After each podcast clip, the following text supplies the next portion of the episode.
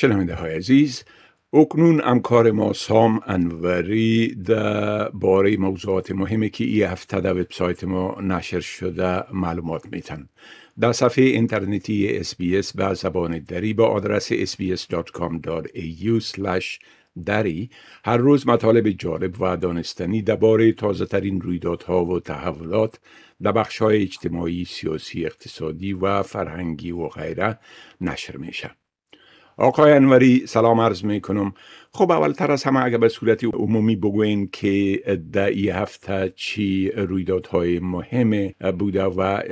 چی مطالب هم در وبسایت ما نشر شده. با سلام به شما و شنوندگان عزیز. خب این هفته دو موضوع در سرخط خبرها در استرالیا بودند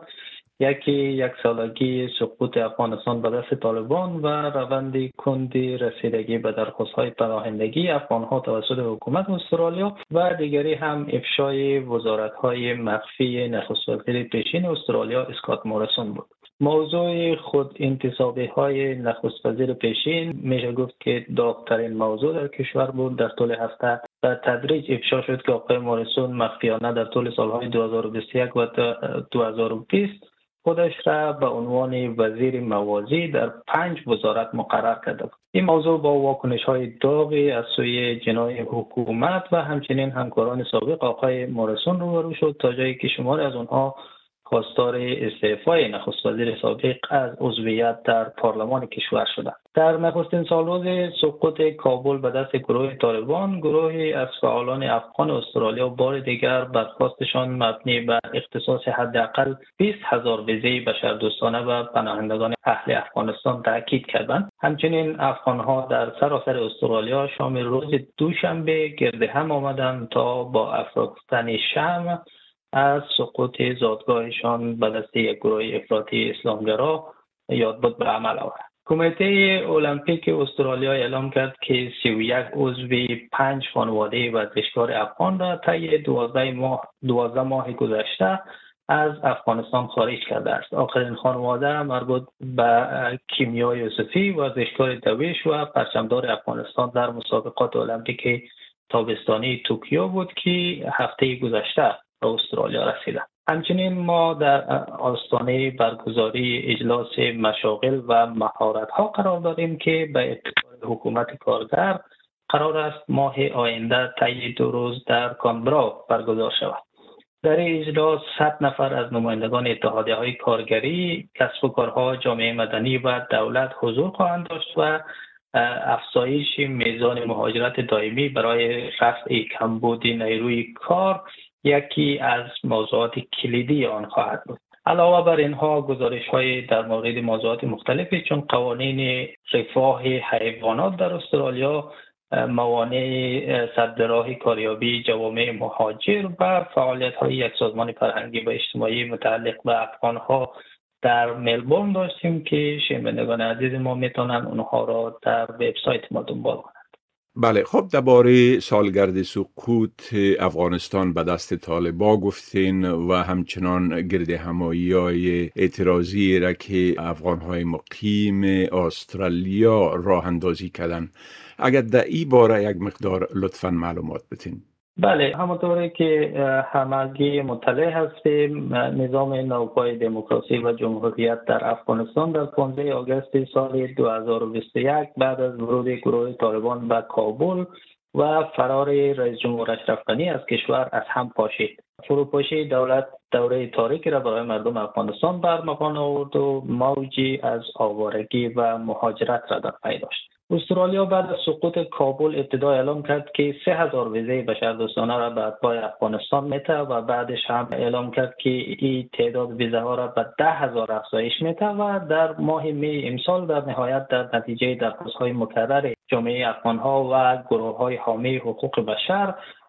16500 ویزه اضافی بشردوستانه خارج از سهمیه سالانه برنامه بشردوستانه به اتباع افغانستان اختصاص داد. اکنون بیش از 211 هزار شهروند افغانستان برای دریافت ویزه بشردوستانه استرالیا درخواست دادند ولی حکومت در یک سال گذشته تنها حدود 6 هزار ویزه به اونها صادر کرده و هنوز حتی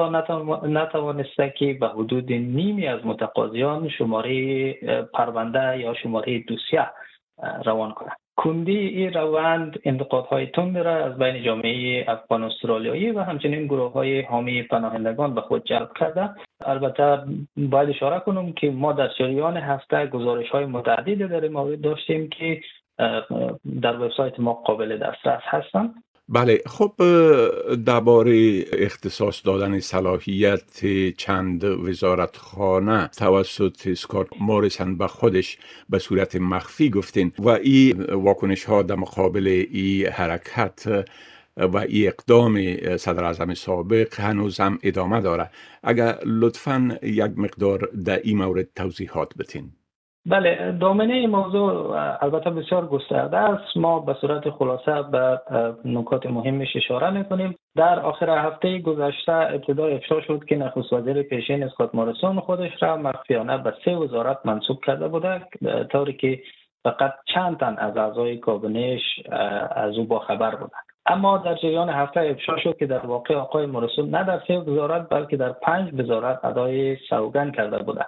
آقای مورسون در طول سالهای 2020 و 2021 خودش را به عنوان وزیر صحت، وزیر اقتصاد، وزیر خزانه‌داری، وزیر منابع و وزیر داخله منصوب کرده بودند. همانطور که اشاره شد این موضوع با واکنش های توقی از سوی حکومت و برخی از همکاران سابق آقای مورسون مواجه شده وزیر پیشین امور داخله کرن اندروز یکی از وزیرانی بود که تا پیش از این اطلاع نداشت. آقای مارسون در واقع خودش را مخفیانه به عنوان وزیری موازی با او در وزارتش منصوب کرده بوده و بعد از مطلع شدن از این موضوع این هفته خواستار استعفای آقای مارسون از مجلس نمایندگان شد. آقای مورسون تلاش کرد که کار خود را با توجه به وضعیت فوقالعاده دوران همگیری توجیه کنه و همچنین از همکاران سابق خود بابت پنهانکاری خود عذرخواهی کرد. اما حکومت میگه که او باید از مردم استرالیا عذرخواهی کنه تلاش های هم از سوی حزب سبز جریان دارند که موضوع وزارت های مخفی آقای مالسون را به کمیته قدرتمند امتیازات مجلس برای تحقیق راجع کنند نخست وزیر انتونی البنیزی این کار آقای موریسون را حقوق به دموکراسی استرالیا توصیف کرده و از مقامات حقوقی خواسته است که وجهه قانونی این موضوع را بررسی کنه و دیدگاه خود را به او گزارش بدن قرار است که اداره سارنوالی روز دوشنبه آینده دیدگاه خود را در این مورد با نخست وزیر شریک کنه و حکومت بر مبنای از دیدگاه در مورد اقدام بعدی خود تصمیم بگیرد. بله خب آقای انوری از این معلوماتتان بسیار تشکر و فعلا شما را به خدا می سپارم روز خوش و آخر هفته خوش برتان آرزو می کنم تشکر از شما خدا نگهدار.